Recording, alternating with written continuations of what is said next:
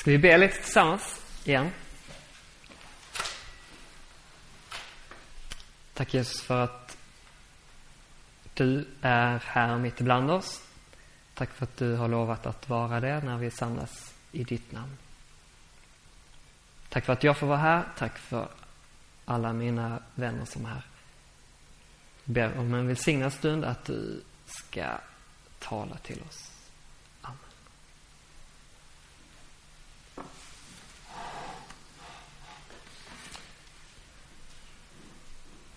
Strandhem nyårsläger. Kristet läger. Ungdomsgruppen, kristen ungdomsgrupp. Kyrkan, kristen kyrka. Ja, vad är det egentligen som gör att något är kristet? Har ni funderat på det? Om jag bjuder hem mina kompisar. Jag vill ha en kristen fest. Men hur i all sin dag gör man en kristfest? Fest kristen? Har ni funderat på det? När blir något kristet? När blir gemenskapen kristen? Jo, det är när Gud får vara med. När Jesus själv får vara med på festen. När han får vara med på lägret, då blir det ett kristet läger. När han är med i hemmet, så blir det ett kristet hem. Och då kan man ju fundera på hur får jag med Jesus på festen, på lägret?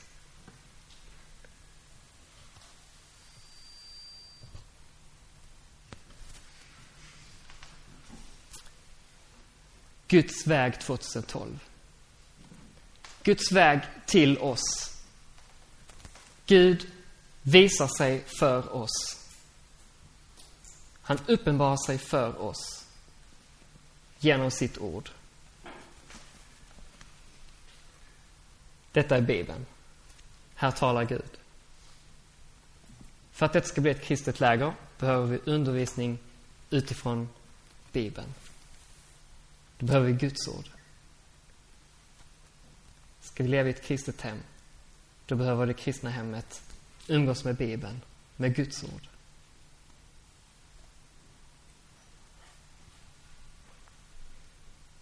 Gud visar sig genom att tala. Gud har talat och här har vi hans ord.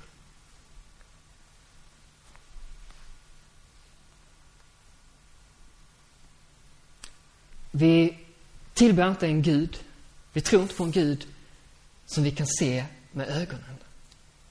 Som uppenbarar sig i en synlig gestalt som kommer in här i rummet och så tillber vi honom, faller ner på våra knän. Vi tror på en Gud som uppenbarar sig i sitt ord. Gud har talat. I Guds ord möter vi Gud. Genom Bibeln, genom undervisning utifrån Bibeln, så får vi stå ansikte mot ansikte med Gud själv, med Jesus Kristus. Man kan säga det så här, det låter lite motsatt. Gud uppenbarar sig genom att dölja sig i ordet. Gud visar sig genom att han döljer sig genom det som han säger. Så får vi se Gud.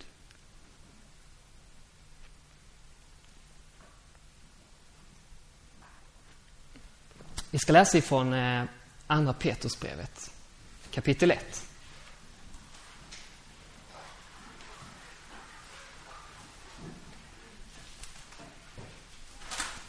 För vi kan ju fråga oss, vad är då Guds ord? Hur kan jag vara säker på att detta är Gud som talar? Vi ska läsa vad Petrus säger.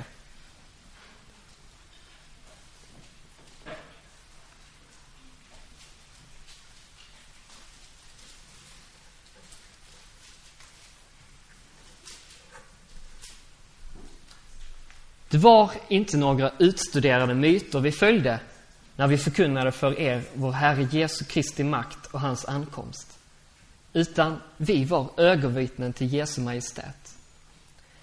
Ty han blev av Gud, Fadern, ärad och förhärligad när en röst kom till honom från den upphöjda härligheten.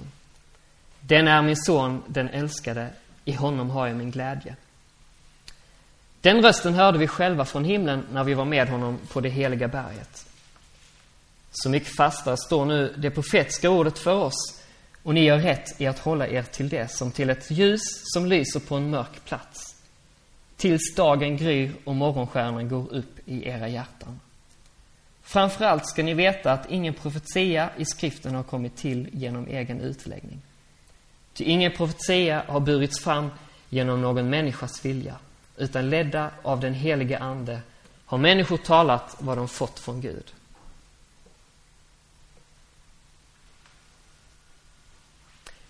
Det var inga utstuderade myter vi följde. Petrus hade fått vara vittne till, till Jesus och det som han gjorde. Det här är inget påhitt. Det här är inte som den nordiska mytologin eller grekiska mytologin. Det här är Guds sanna ord till oss. Och när vi läser i den här boken så, så är det människor som har skrivit det. Men de är inspirerade av Gud själv. Ledda av den helige Ande har människor talat vad de fått från Gud.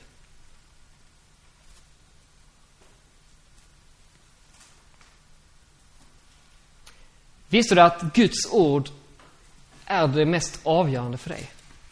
Att du överhuvudtaget sitter här ikväll har med Guds ord att göra. Att du överhuvudtaget existerar har med Guds ord att göra. Gud har talat, därför finns du. När Gud skapade världen så sa han, var det ljus och det blev ljus. Gud skapade världen genom att tala. Man kan läsa i Psaltarens 33 kapitel om just skapelsen. Att himlen är skapad genom Herrens ord. Och i vers 9. Ty han sade och det blev till. Han befallde och det stod där. Det finns ett samband mellan det Gud säger och det Gud gör. Det finns en koppling mellan att Gud säger och att något händer. Det finns en makt i Guds ord. När Gud talar så händer något. Så var det också när Guds son, Jesus, talade. Det var ett tillfälle när han och lärjungarna var ute på sjön och så började det storma. Vattnet började fylla båten. Jesus låg och sov. Och lärjungarna blev oroliga och därför väcker de Jesus. Mästare, vad ska vi göra? Hur kan du sova nu, Jesus? Och då talar Jesus strängt till vinden. Han säger, tig, var tyst. Och hela stormen la sig. Allt blev lugnt. Det finns en makt i Jesu ord det finns makt i Guds ord. När Gud talar så händer något.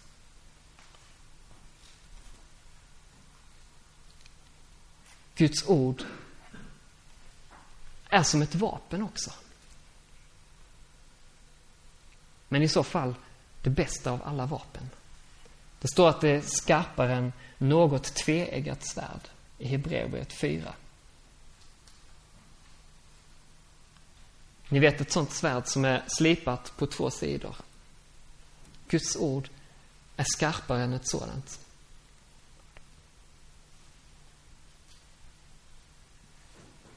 Guds ord kan man använda som ett vapen.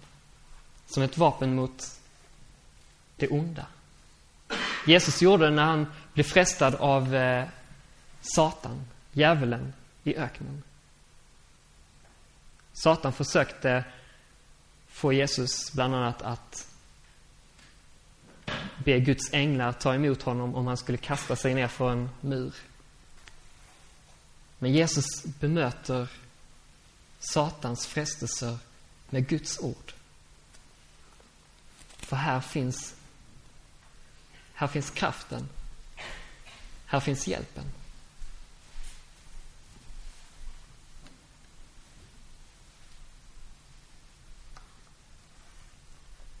Satan, som jag nämnde, han vet om detta.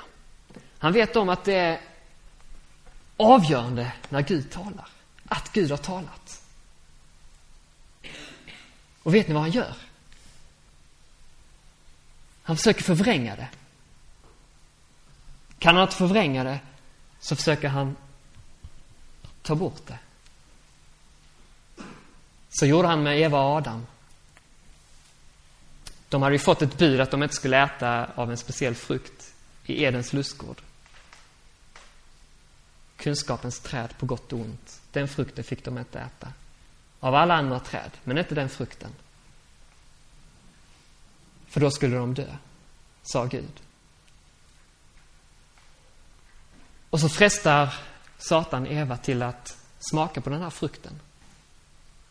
Och så säger han, har verkligen Gud sagt det? Har han verkligen sagt det? Och sen säger han, ni ska visst inte dö.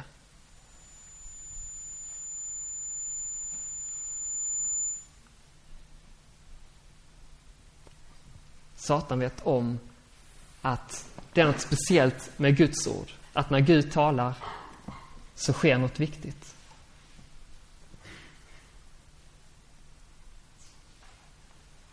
Därför försöker han på alla sätt förstöra för oss.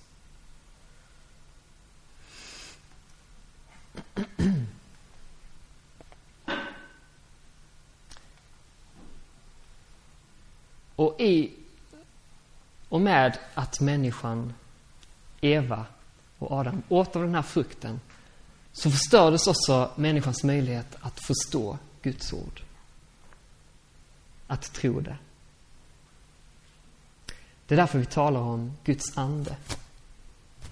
Vi behöver Guds ande för att förstå Guds ord och för att kunna tro det, för att ta det till oss och leva efter det.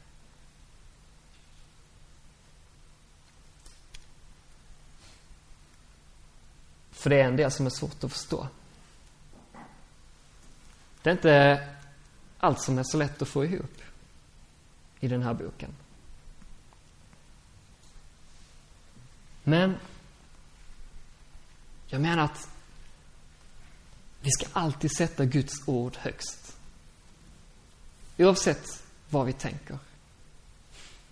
Oavsett om vi inte förstår det. Om vårt förnuft skulle säga något annat.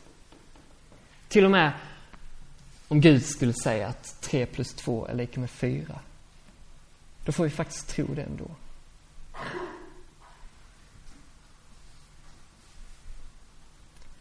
I Ordspråksboken kapitel 14, vers 12. Jag ska se om jag hittar det.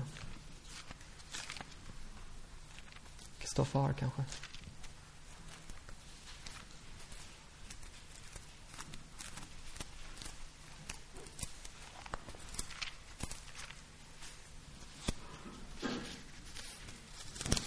Ordspråksboken kapitel 14, vers 12 står det att en väg kan synas rätt för en människa, men till slut kan den leda till döden. Även då man kanske menar att man har rätt, att Guds ord måste ha fel, så måste vi sätta Guds ord högre, Guds befallningar högre. Det finns ett exempel med kung Saul som fick befallningen av Gud att eh, ge sig i strid med ett folk. Och han skulle förgöra hela folket. Han ger sig ut i striden, han vinner kriget och så står han där. Ska jag lyda Gud eller ska jag inte lyda Gud? För han ser det fina krigsbytet, de fina djuren, oxarna, skatterna liksom. Och så tänker han, ah, jag tar med oxarna och så offrar jag dem till Gud. Det måste väl han gilla. Men det var inte det som Gud hade sagt. Det var inget offer som behagade Gud. Även om det syn, syntes rätt för Saul, så var det inte det. För Gud hade sagt något annat.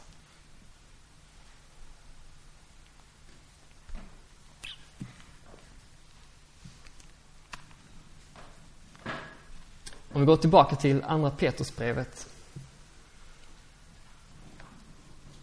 Så, så var det så här att eh, vid tre tillfällen så kom det en röst ifrån himlen där Gud talar om Jesus. Där Gud liksom förklarar sin son. Det är när Jesus döps.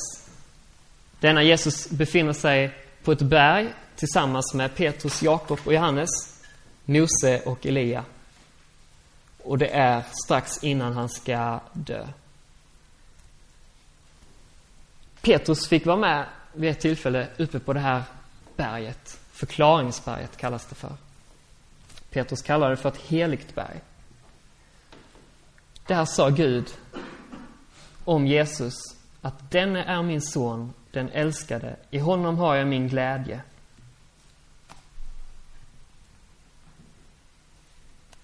Gud har sin glädje i Jesus. Gud är glad i Jesus. Kan man inte säga så på norska, Kristoffer? Gud är glad i Jesus. Gud har sin glädje i Jesus. Har jag min glädje i Jesus? Kan jag säga på samma sätt. Vi har ju precis firat jul och eh, vi läste om Maria som födde Jesus.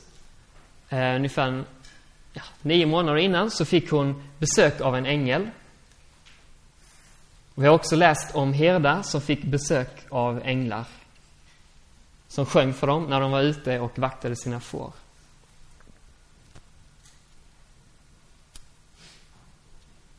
När jag tänker på dem så tänker jag på att Maria, hon hade inte bett Gud om att bli gravid med Jesus.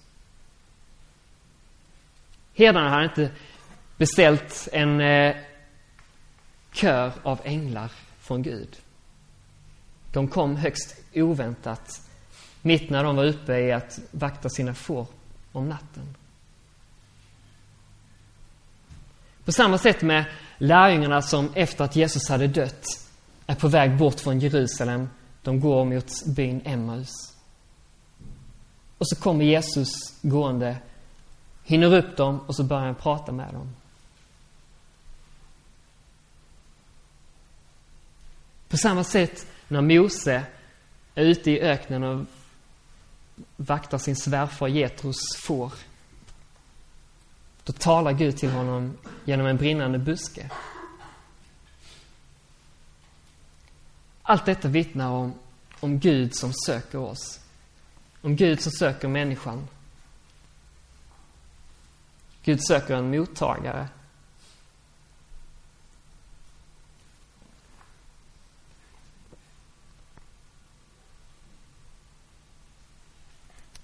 Och därför Maria herdarna, Mose, lärjungarna vara förebilder för oss. Hur de tar emot Jesus. Budskapet från änglarna den julnatten till herdarna var ju att ära vare Gud i höjden och frid på jorden. Och så sa de att en frälsare har blivit död, född åt er i Davids stad och han är Messias, Herren. En frälsare har blivit född åt er i Davids stad och han är Messias, Herren. Gud söker oss och han gör det genom sitt ord. Här vill han visa sig. Här får vi lära känna Jesus. Här får vi lära känna Gud. Och också oss, oss själva. Det är först genom att i samband med att man lär känna Gud så lär man känna sig själv också. Det är först då man kan få en korrekt bild av läget med mig själv.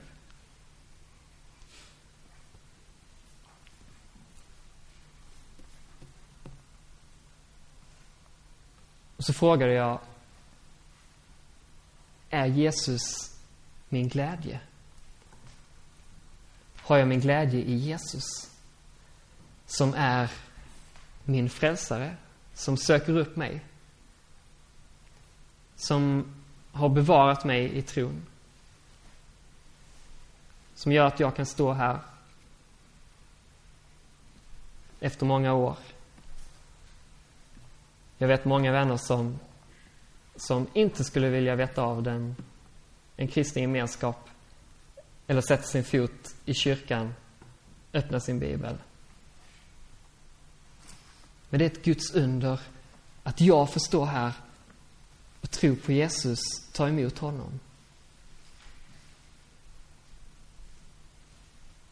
Gud söker mig. Och jag inser att hade inte han gjort det så hade det varit helt kast. För jag är ingen vidare på att söka Gud. Och det som... När Gud, eh, när Gud ser på oss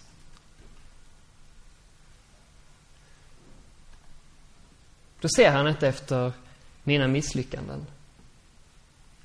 Han ser inte efter antal kyrkobesök, antal andakter. Gud ser efter en sak. Han ser efter om, om jag har tagit emot Jesus. Gud ser efter tron som griper om Jesus.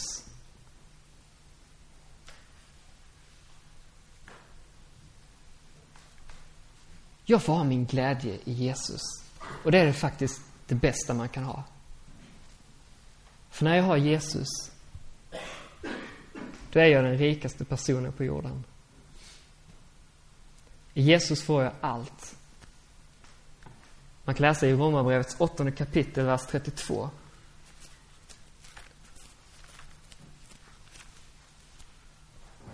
Att han som ett skonade sin egen son utan utlämnade honom för oss alla. Hur skulle han kunna annat än också skänka oss allt med honom?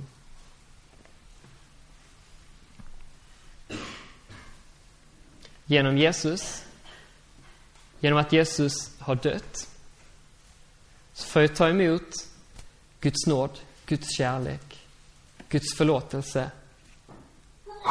Och så vill Gud också skänka oss allt med Jesus.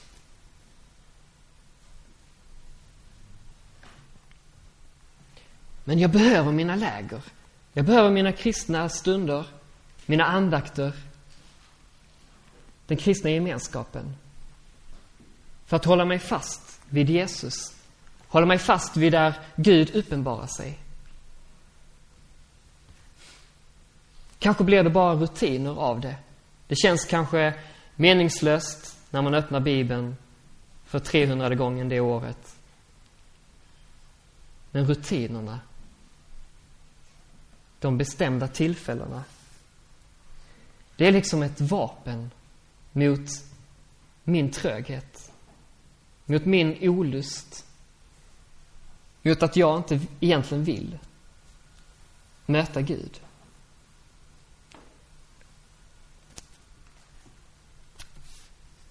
För det är så att som kristen,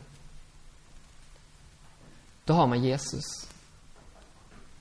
Men man har också synd i sig, en ond natur, som aldrig i livet vill gå på läger, gå på gudstjänst, läsa i Bibeln. Man har en ond natur som hela tiden gör motstånd. Därför är det väldigt viktigt med bra rutiner. Där jag läser min bibel, där jag studerar bibeln, där jag får möta Gud. För det är här jag möter Gud. Hur ska jag kunna möta Gud om jag aldrig rör mig i sammanhang där Guds ord talas?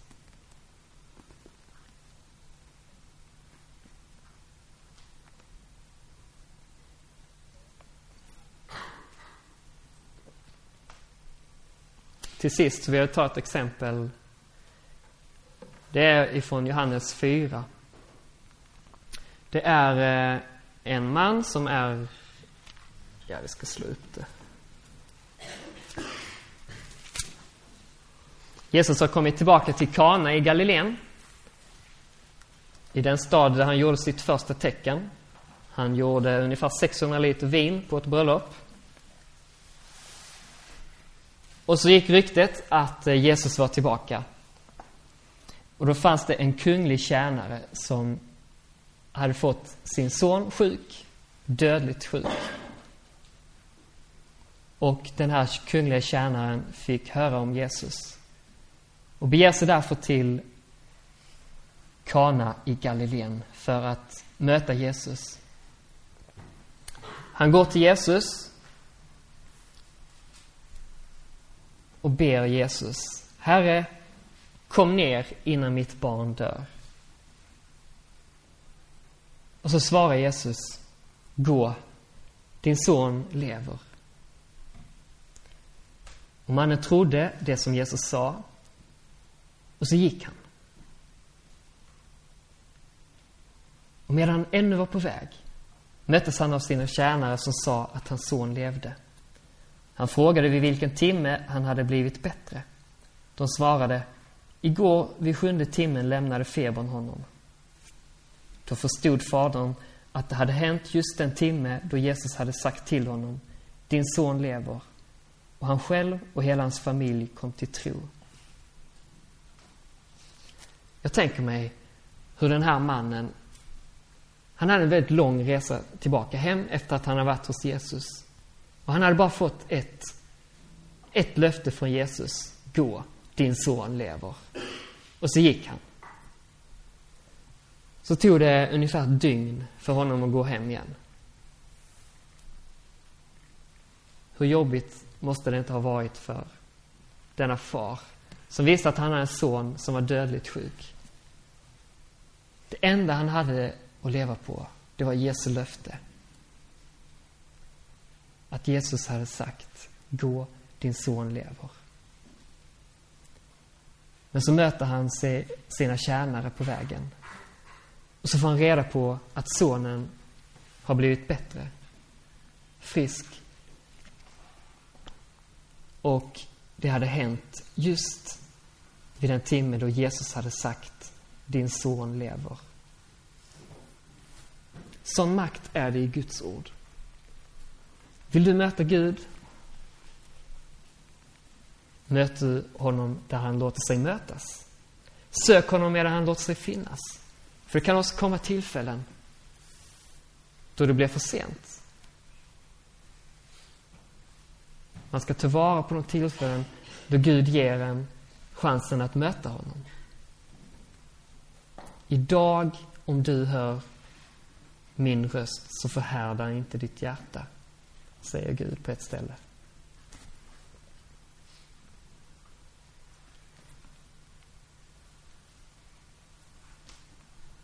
Jag vågar blicka framåt, mot 2012.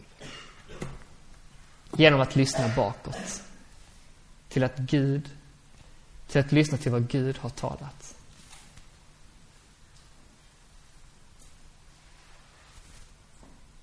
Vi ber tillsammans. Tack Gud för att du inte är en flummig Gud som eh, man måste, jag vet inte, som är jättesvår att hitta. Utan vi kan lära känna dig i Bibeln, vi kan lära känna dig genom undervisning utifrån ditt ord. Tack för att du ger dig till känna för oss. Tack för att du älskar oss. Och Tack också för att du ger till känna genom Jesus, som du säger är ordet. Ordet från himlen, Jesus. Tack för att du är vår frälsare, för att du är vår bror, för att du är vår vän, för att du är vår kung. Och jag ber att du ska öppna våra ögon, genom din heliga Ande skapa tro i oss. Tro på dig, tro på din frälsning, tro på syndernas förlåtelse, tro på evigt liv. I Jesu namn. Amen.